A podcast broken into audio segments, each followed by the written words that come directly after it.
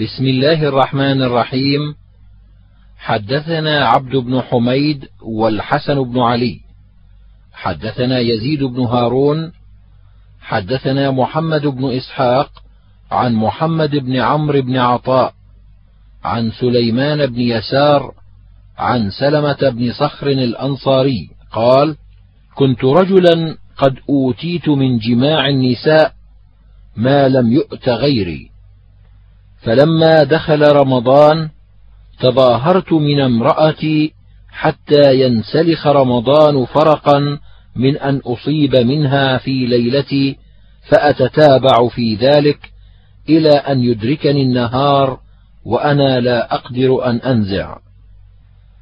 فبينما هي تخدمني ذات ليلة إذ تكشف لي منها شيء فوثبت عليها فلما أصبحت غدوت على قومي فأخبرتهم خبري.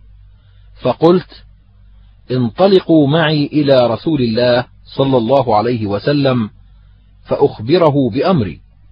فقالوا لا والله لا نفعل.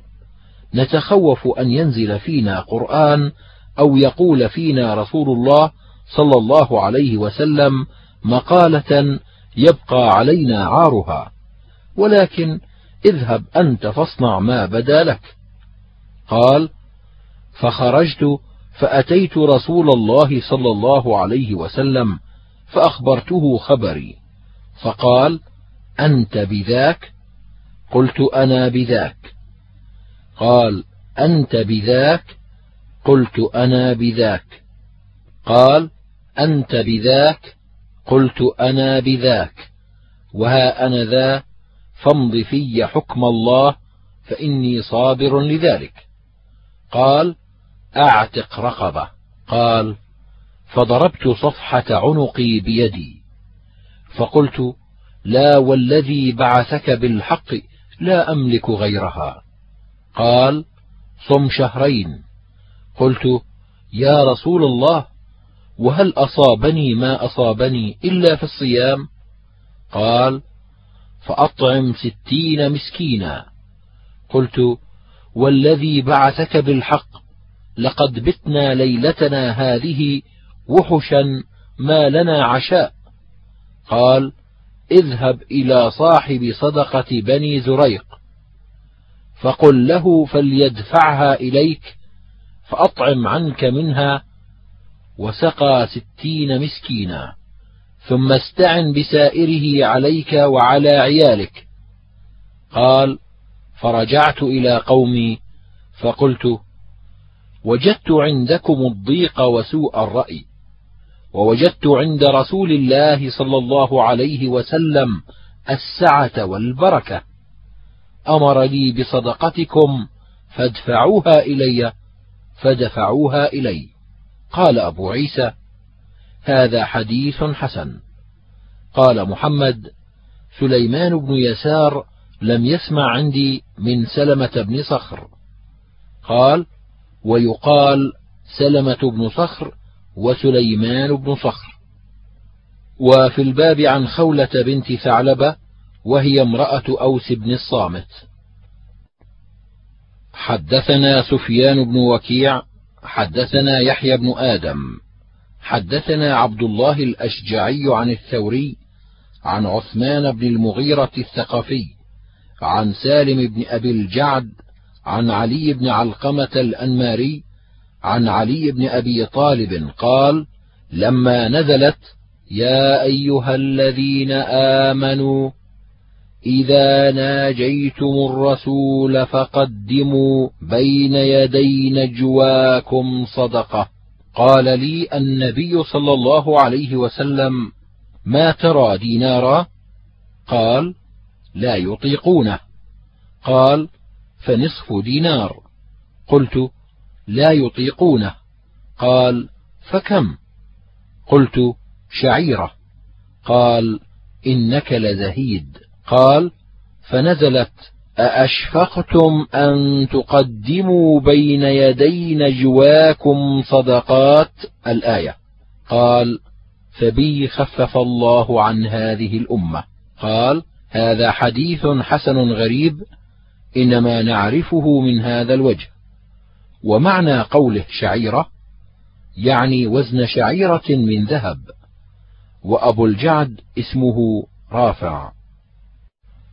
حدثنا عبد بن حميد حدثنا يونس عن شيبان عن قتادة حدثنا أنس بن مالك أن يهوديا أتى على النبي صلى الله عليه وسلم وأصحابه فقال السام عليكم.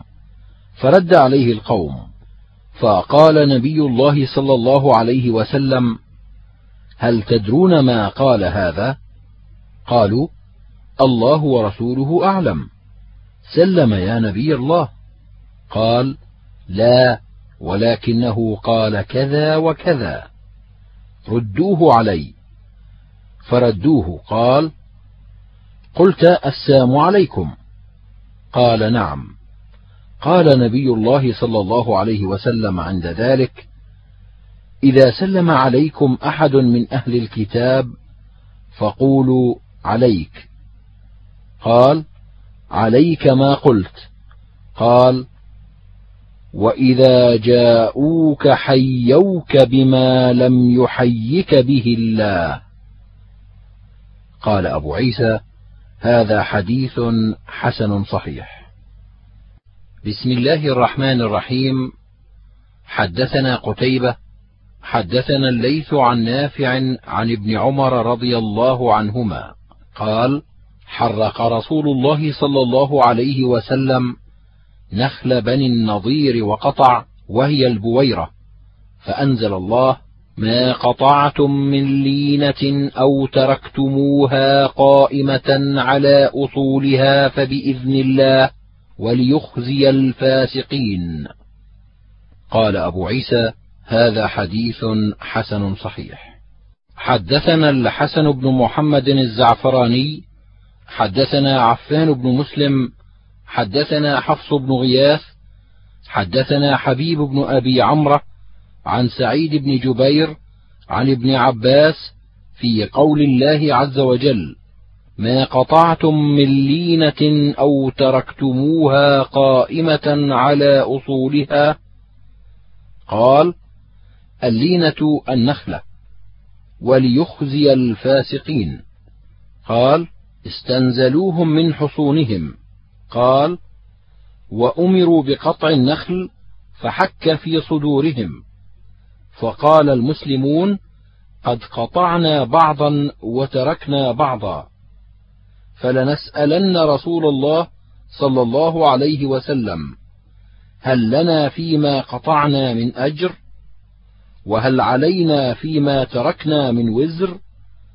فأنزل الله تعالى ما قطعتم من لينه أو تركتموها قائمه على اصولها. الايه. قال ابو عيسى هذا حديث حسن غريب.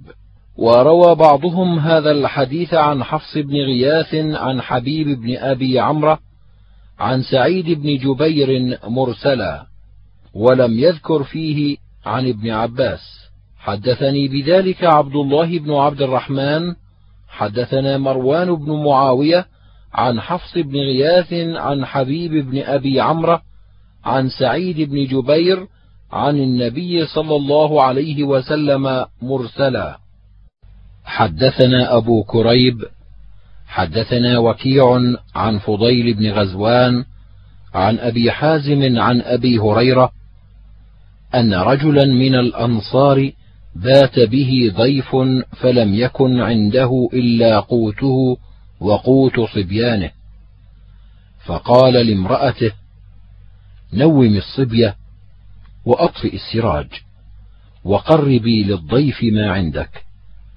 فنزلت هذه الآية ويؤثرون على أنفسهم ولو كان بهم خصاصة. هذا حديث حسن صحيح. بسم الله الرحمن الرحيم. حدثنا ابن أبي عمر حدثنا سفيان عن عمرو بن دينار عن الحسن بن محمد هو ابن الحنفية عن عبيد الله بن أبي رافع. قال سمعت علي بن أبي طالب يقول بعثنا رسول الله صلى الله عليه وسلم أنا والزبير والمقداد بن الأسود فقال انطلقوا حتى تأتوا روضة خاخ فإن فيها ضعينة معها كتاب فخذوه منها فأتوني به. فخرجنا تتعادى بنا خيلنا حتى أتينا الروضة. فإذا نحن بالضعينة فقلنا أخرج الكتاب. فقالت ما معي من كتاب. فقلنا لتخرجن الكتاب أو لتلقين الثياب. قال فأخرجته من عقاصها. قال فأتينا به رسول الله صلى الله عليه وسلم. فإذا هو من حاطب بن أبي بلتعة إلى ناس من المشركين بمكة.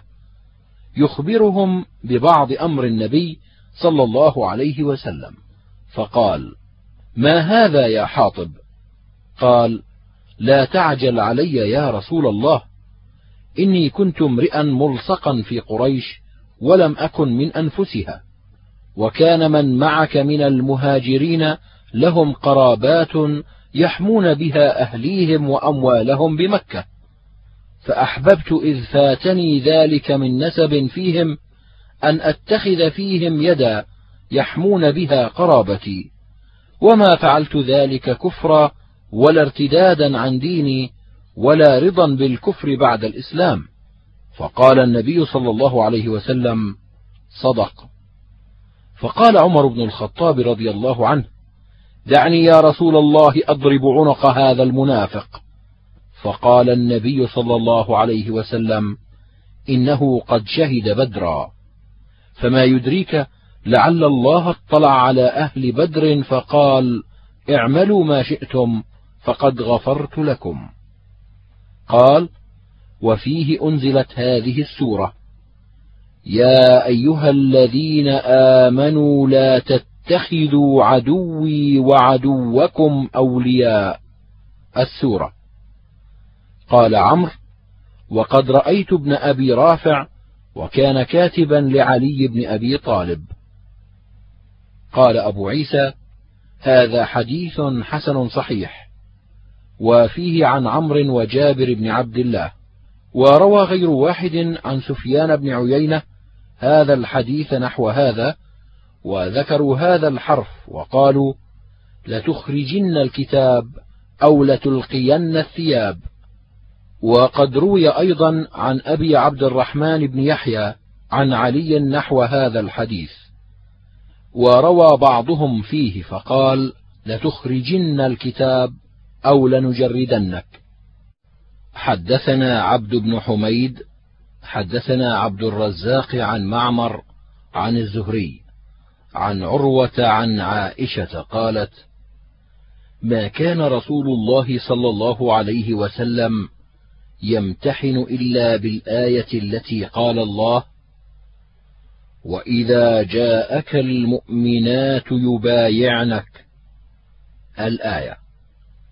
قال معمر فأخبرني ابن طاووس عن أبيه قال ما مست يد رسول الله صلى الله عليه وسلم يد امرأة إلا امرأة يملكها. قال هذا حديث حسن صحيح.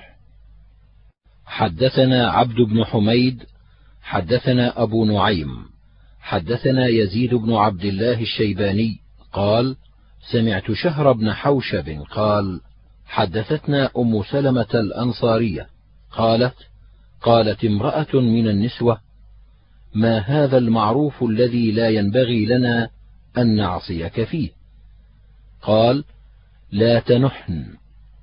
قلت يا رسول الله إن بني فلان قد أسعدوني على عمي ولا بد لي من قضائهن فأبى علي فأتيته مرارا فأذن لي في قضائهن فلم أنح بعد على آخائهن ولا غيره حتى الساعة ولم يبق من النسوة امرأة إلا وقد ناحت غيري. قال أبو عيسى هذا حديث حسن. وفيه عن أم عطية رضي الله عنها قال عبد بن حميد أم سلمة الأنصارية هي أسماء بنت يزيد بن السكن. حدثنا سلمة بن شبيب حدثنا محمد بن يوسف الفريابي حدثنا قيس بن الربيع عن الأغر بن الصباح عن خليفة بن حسين عن أبي نصر عن ابن عباس في قوله تعالى إذا جاءكم المؤمنات مهاجرات فامتحنوهن. قال كانت المرأة إذا جاءت النبي صلى الله عليه وسلم لتسلم حلفها بالله. ما خرجت من بغض زوجي ما خرجت إلا حبا لله ولرسوله. قال أبو عيسى هذا حديث غريب. بسم الله الرحمن الرحيم.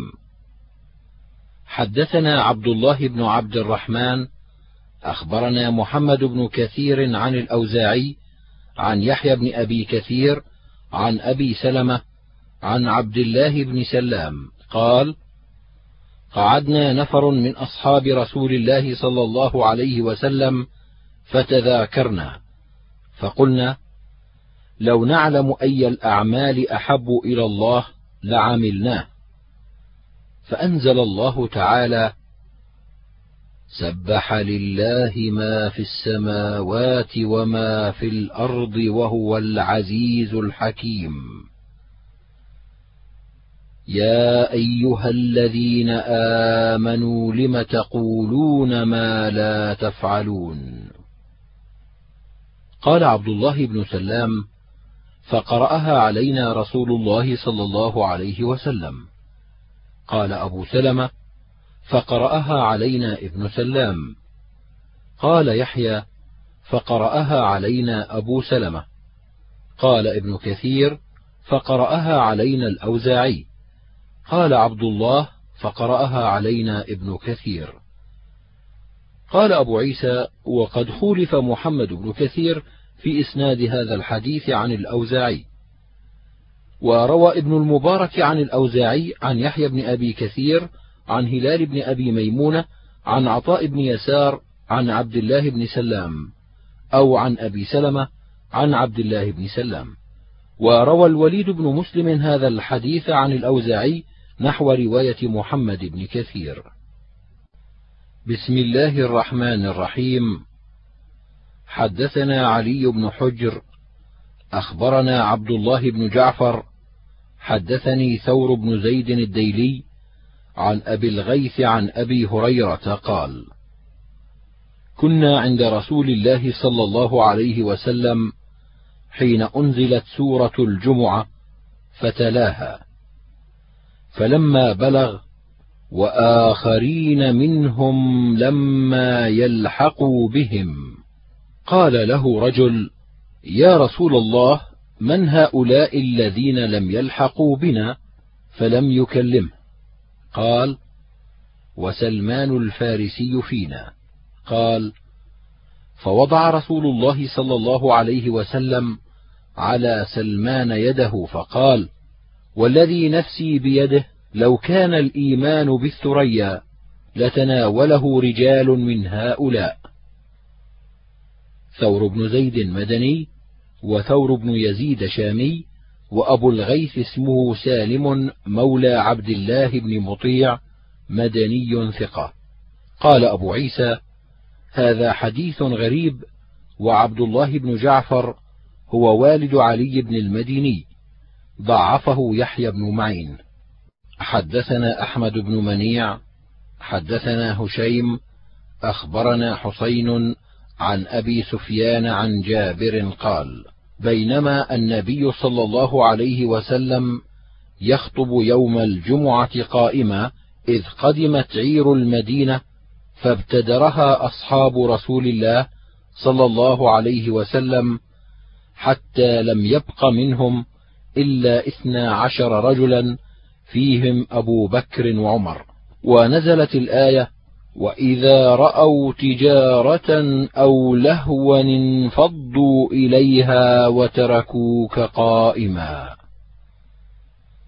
قال هذا حديث حسن صحيح حدثنا أحمد بن منيع حدثنا هشام أخبرنا حسين عن سالم بن أبي الجعد عن جابر عن النبي صلى الله عليه وسلم بنحوه قال أبو عيسى هذا حديث حسن صحيح. بسم الله الرحمن الرحيم.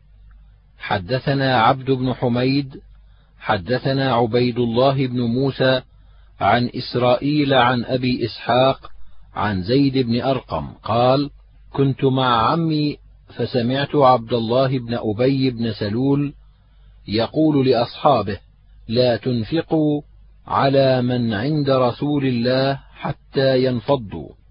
ولئن رجعنا إلى المدينة ليخرجن الأعز منها الأذل. فذكرت ذلك لعمي. فذكر ذلك عمي للنبي صلى الله عليه وسلم. فدعاني النبي صلى الله عليه وسلم فحدثته. فأرسل رسول الله صلى الله عليه وسلم إلى عبد الله بن أبي وأصحابه فحلفوا ما قالوا. فكذبني رسول الله صلى الله عليه وسلم وصدقه فأصابني شيء لم يصبني قط مثله. فجلست في البيت فقال عمي ما أردت إلا أن كذبك رسول الله صلى الله عليه وسلم ومقتك. فأنزل الله تعالى إذا جاءك المنافقون. فبعث إلي رسول الله صلى الله عليه وسلم فقرأها. ثم قال إن الله قد صدقك. قال أبو عيسى هذا حديث حسن صحيح. حدثنا عبد بن حميد حدثنا عبيد الله بن موسى عن إسرائيل عن السدي عن أبي سعد الأزدي. حدثنا زيد بن أرقم قال غزونا مع رسول الله صلى الله عليه وسلم وكان معنا أناس من الأعراب فكنا نبتدر الماء وكان الأعراب يسبقون إليه فسبق أعرابي أصحابه فسبق الأعرابي فيملأ الحوض ويجعل حوله حجارة ويجعل النطع عليه حتى تجيء أصحابه. قال فأتى رجل من الأنصار اعرابيا فأرخى زمام ناقته لتشرب فأبى أن يدعه فانتزع قباض الماء فرفع الأعرابي خشبته فضرب بها رأس الأنصاري فشجه فأتى عبد الله بن أبي رأس المنافقين فأخبره وكان من أصحابه فغضب عبد الله بن أبي ثم قال لا تنفقوا على من عند رسول الله حتى ينفضوا من حوله يعني الأعراب. وكانوا يحضرون رسول الله صلى الله عليه وسلم عند الطعام. فقال عبد الله إذا انفضوا من عند محمد فأتوا محمدا بالطعام فليأكل هو ومن معه. ثم قال لأصحابه لئن رجعتم إلى المدينة ليخرجن الأعز منها الأذل.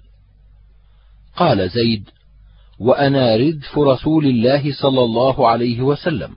قال فسمعت عبد الله بن أبي فأخبرت عمي.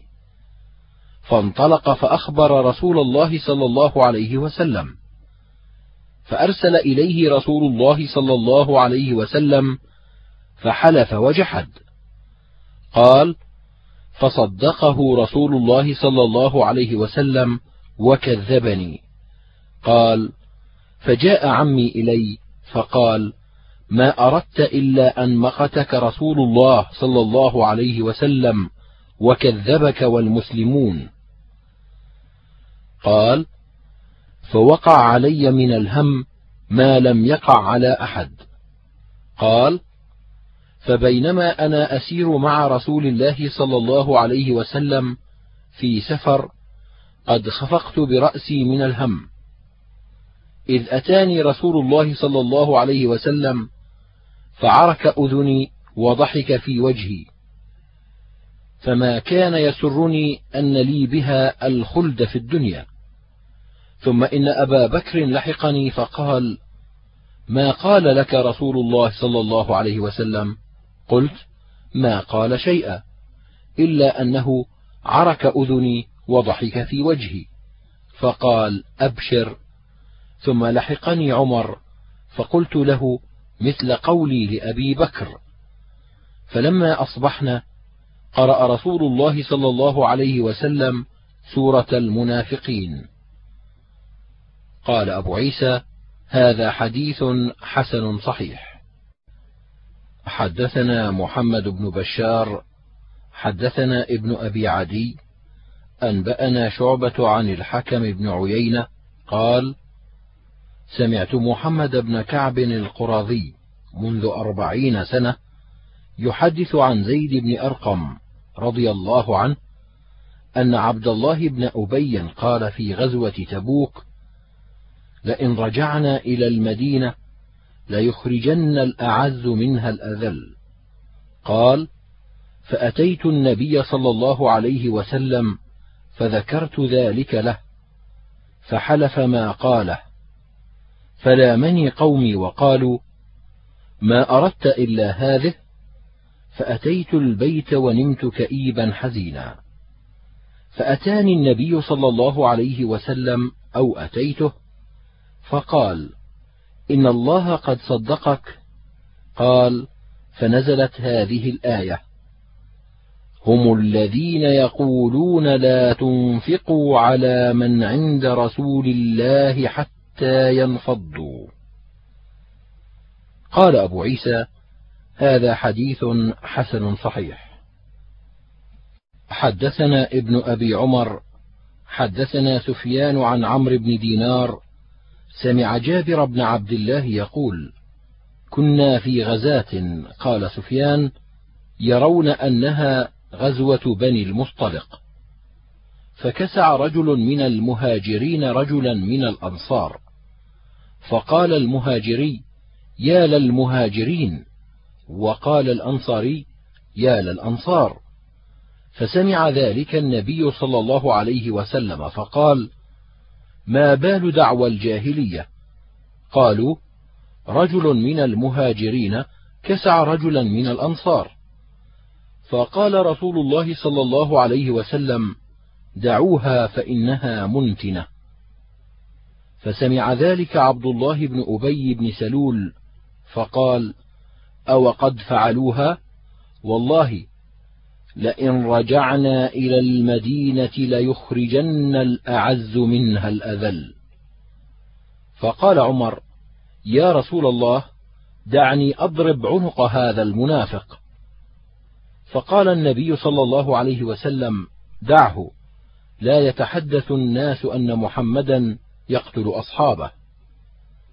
وقال غير عمر فقال له ابنه عبد الله بن عبد الله والله لا تنفلت حتى تقر أنك الذليل ورسول الله صلى الله عليه وسلم العزيز.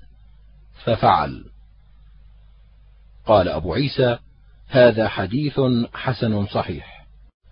حدثنا عبد بن حميد حدثنا جعفر بن عون. أخبرنا أبو جناب الكلبي عن الضحاك عن ابن عباس رضي الله عنهما قال من كان له مال يبلغه حج بيت ربه أو تجب عليه فيه الزكاة فلم يفعل سأل الرجعة عند الموت. فقال رجل يا ابن عباس اتق الله. إنما سأل الرجعة الكفار قال سأتلو عليك بذلك قرآنا. يا أيها الذين آمنوا لا تلهكم أموالكم ولا أولادكم عن ذكر الله وأنفقوا مما رزقناكم من قبل أن يأتي أحدكم الموت إلى قوله والله خبير بما تعملون قال فما يوجب الزكاة قال إذا بلغ المال مئتي درهم فصاعدا.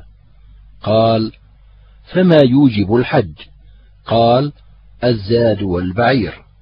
حدثنا عبد بن حميد حدثنا عبد الرزاق عن الثوري عن يحيى بن أبي حية عن الضحاك عن ابن عباس عن النبي صلى الله عليه وسلم بنحوه.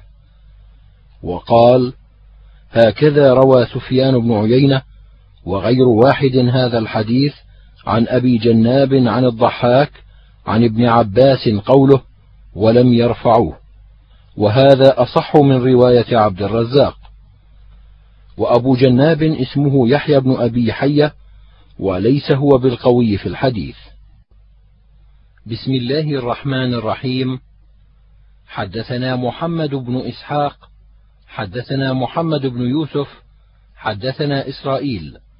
حدثنا سيماك بن حرب عن عكرمة عن ابن عباس وسأله رجل عن هذه الآية يا أيها الذين آمنوا إن من أزواجكم وأولادكم عدوا لكم فاحذروهم. قال هؤلاء رجال أسلموا من أهل مكة وأرادوا أن يأتوا النبي صلى الله عليه وسلم فأبى أزواجهم وأولادهم أن يدعوهم أن يأتوا رسول الله صلى الله عليه وسلم. فلما أتوا رسول الله صلى الله عليه وسلم رأوا الناس قد فقهوا في الدين هموا أن يعاقبوهم. فأنزل الله عز وجل يا أيها الذين آمنوا إن من أزواجكم وأولادكم عدوا لكم فاحذروهم. الآية. قال أبو عيسى هذا حديث حسن صحيح. بسم الله الرحمن الرحيم. حدثنا عبد بن حميد أخبرنا عبد الرزاق عن معمر عن الزهري عن عبيد الله بن عبد الله بن أبي ثور قال سمعت ابن عباس رضي الله عنهما يقول لم أزل حريصا أن أسأل عمر عن المرأتين من أزواج النبي صلى الله عليه وسلم اللتين قال الله عز وجل إن تتوبا إلى الله فقد صغت قلوبكما. حتى حج عمر وحججت معه فصببت عليه من الإداوة فتوضأ. فقلت يا أمير المؤمنين من المرأتان من أزواج النبي صلى الله عليه وسلم اللتان قال الله إن تتوبا إلى الله فقد صغت قلوبكما وإن تظاهرا عليه فإن الله هو مولاه. فقال لي وعجبا لك يا ابن عباس؟ قال الزهري وكره والله ما سأله عنه ولم يكتمه. فقال هي عائشة وحفصة. قال ثم أنشأ يحدثني الحديث. فقال كنا معشر قريش نغلب النساء. فلما قدمنا المدينة وجدنا قوما تغلبهم نساؤهم. فطفق نساؤنا يتعلمن من نسائهم. فتغضبت على امرأتي يوما فإذا هي تراجعني. فأنكرت أن تراجعني. فقالت ما تنكر من ذلك. فوالله إن أزواج النبي صلى الله عليه وسلم ليراجعنه وتهجره إحداهن اليوم إلى الليل. قال قلت في نفسي قد خابت من فعلت ذلك منهن وخسرت.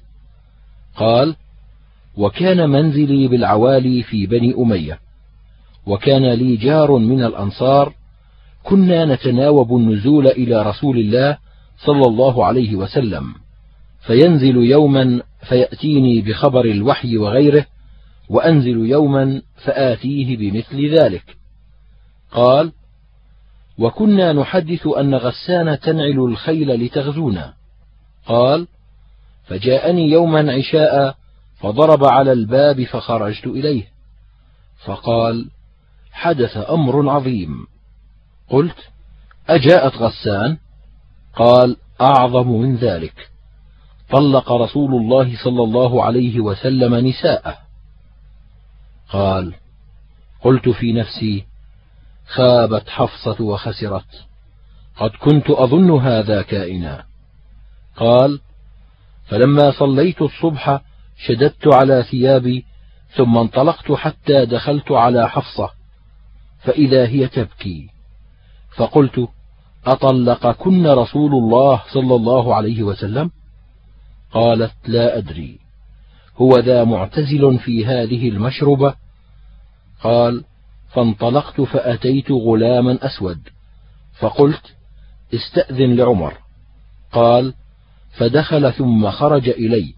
قال قد ذكرتك له فلم يقل شيئا. قال فانطلقت إلى المسجد فإذا حول المنبر نفر يبكون فجلست إليهم. ثم غلبني ما أجد فأتيت الغلام فقلت استأذن لعمر. فدخل ثم خرج إلي فقال قد ذكرتك له فلم يقل شيئا. قال فانطلقت إلى المسجد أيضا فجلست ثم غلبني ما أجد فأتيت الغلام. فقلت استأذن لعمر. فدخل ثم خرج إلي فقال قد ذكرتك له فلم يقل شيئا. قال فوليت منطلقا فإذا الغلام يدعوني. فقال ادخل فقد أذن لك. فدخلت فإذا النبي صلى الله عليه وسلم متكئ على رمل حصير قد رأيت أثره في جنبه. فقلت يا رسول الله أطلقت نساءك؟ قال لا. قلت الله أكبر لقد رأيتنا يا رسول الله ونحن معشر قريش نغلب النساء. فلما قدمنا المدينة وجدنا قوما تغلبهم نساؤهم. فطفق نساؤنا يتعلمن من نسائهم. فتغضبت يوما على امرأتي فإذا هي تراجعني.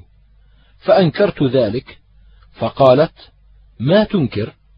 فوالله إن أزواج النبي صلى الله عليه وسلم ليراجعنه وتهجره إحداهن اليوم إلى الليل. قال فقلت لحفصة أتراجعين رسول الله صلى الله عليه وسلم؟ قالت نعم وتهجره إحدانا اليوم إلى الليل. فقلت قد خابت من فعلت ذلك منكن وخسرت. أتأمن إحداكن أن يغضب الله عليها لغضب رسوله؟ فإذا هي قد هلكت فتبسم النبي صلى الله عليه وسلم. قال فقلت لحفصة لا تراجعي رسول الله صلى الله عليه وسلم ولا تسأليه شيئا وسليني ما بدا لك. ولا يغرنك إن كانت صاحبتك أوسم منك وأحب إلى رسول الله صلى الله عليه وسلم. قال فتبسم أخرى.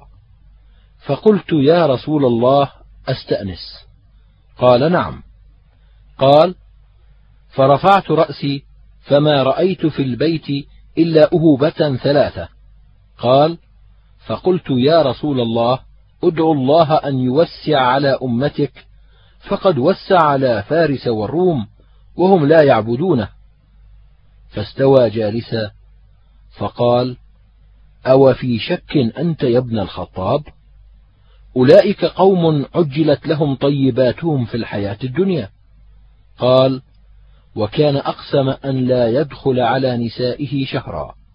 فعاتبه الله في ذلك وجعل له كفارة اليمين. قال الزهري فأخبرني عروة عن عائشة قالت فلما مضت تسع وعشرون دخل علي النبي صلى الله عليه وسلم بدأ بي فقال يا عائشة إني ذاكر لك شيئا فلا تعجلي حتى تستأمري أبويك. قالت ثم قرأ هذه الآية. يا أيها النبي قل لأزواجك. الآية. قالت علم والله أن أبوي لم يكونا يأمراني بفراقه. فقلت أفي هذا أستأمر أبوي؟ فإني أريد الله ورسوله والدار الآخرة.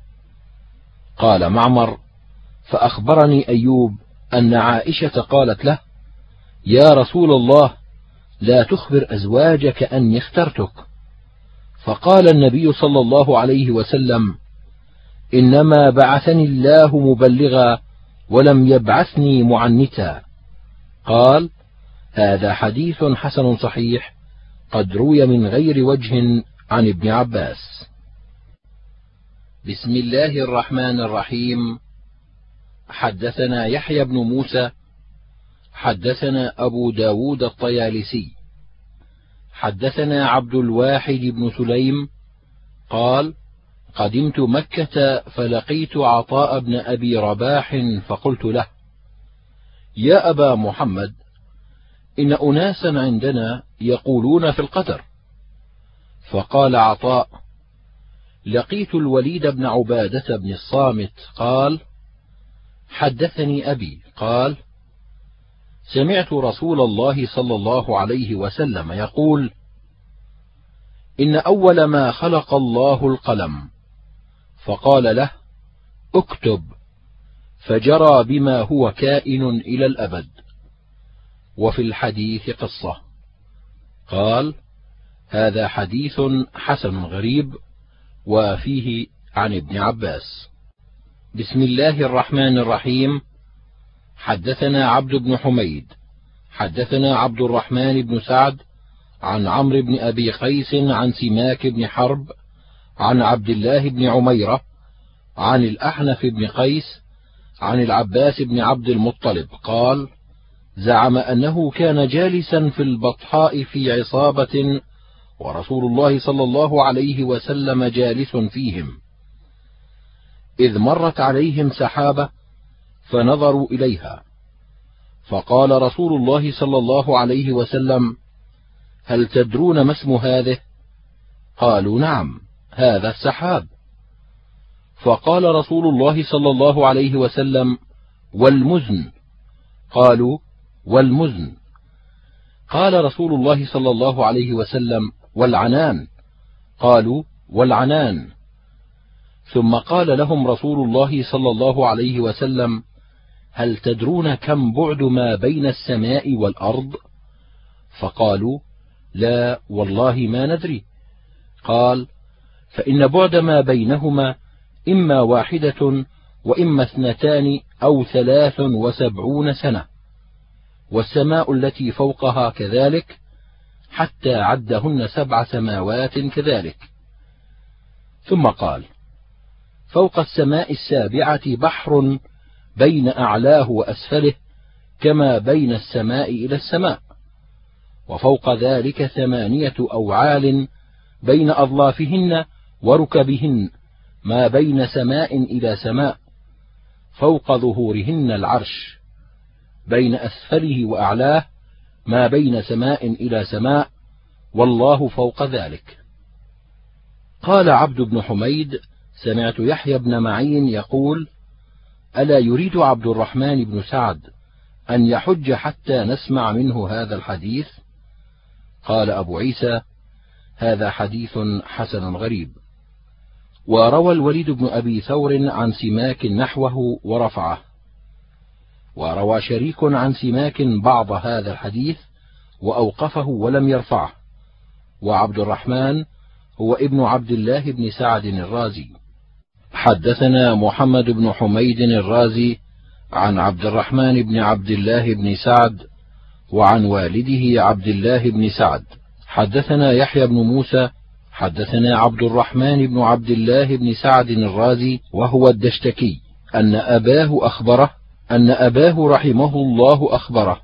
كذا قال أخبره. قال رأيت رجلا ببخارى على بغلة وعليه عمامة سوداء ويقول كسانيها رسول الله صلى الله عليه وسلم. بسم الله الرحمن الرحيم. حدثنا أبو كريب حدثنا رشدين بن سعد عن عمرو بن الحارث عن دراج أبي السمح عن أبي الهيثم عن أبي سعيد عن النبي صلى الله عليه وسلم في قوله كالمهل قال كعكر الزيت فإذا قرب إلى وجهه سقطت فروة وجهه فيه. قال أبو عيسى هذا حديث غريب لا نعرفه إلا من حديث رشدين. بسم الله الرحمن الرحيم. حدثنا عبد بن حميد حدثني أبو الوليد. حدثنا أبو عوانة عن أبي بشر عن سعيد بن جبير عن ابن عباس رضي الله عنهما قال ما قرأ رسول الله صلى الله عليه وسلم على الجن ولا رآهم. انطلق رسول الله صلى الله عليه وسلم في طائفة من أصحابه عامدين إلى سوق عكاظ وقد حيل بين الشياطين وبين خبر السماء وأرسلت عليهم الشهب فرجعت الشياطين إلى قومهم فقالوا ما لكم؟ قالوا حيل بيننا وبين خبر السماوات وأرسلت علينا الشهب. فقالوا ما حال بيننا وبين خبر السماء إلا أمر حدث فاضربوا مشارق الأرض ومغاربها فانظروا ما هذا الذي حال بينكم. وبين خبر السماء. قال فانطلقوا يضربون مشارق الأرض ومغاربها يبتغون ما هذا الذي حال بينهم وبين خبر السماء. فانصرف أولئك النفر الذين توجهوا إلى نحو تهامة إلى رسول الله صلى الله عليه وسلم وهو بنخلة عامدا إلى سوق عكاظ وهو يصلي بأصحابه صلاة الفجر. فلما سمعوا القرآن استمعوا له فقالوا هذا والله الذي حال بينكم وبين خبر السماء. قال فهنالك رجعوا إلى قومهم. فقالوا يا قومنا إنا سمعنا قرآنا عجبا يهدي إلى الرشد فآمنا به ولن نشرك بربنا أحدا. فأنزل الله على نبيه قل أوحي إلي أنه استمع.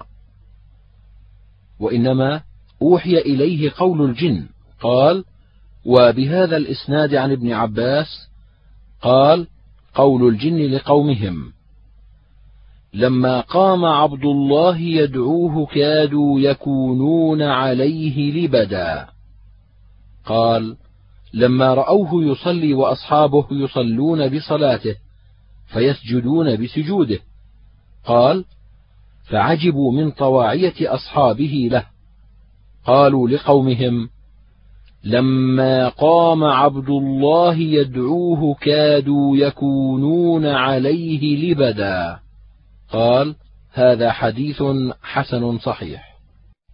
حدثنا محمد بن يحيى حدثنا محمد بن يوسف حدثنا إسرائيل حدثنا أبو إسحاق عن سعيد بن جبير عن ابن عباس قال كان الجن يصعدون إلى السماء يسمعون الوحي فإذا سمعوا الكلمة زادوا فيها تسعة.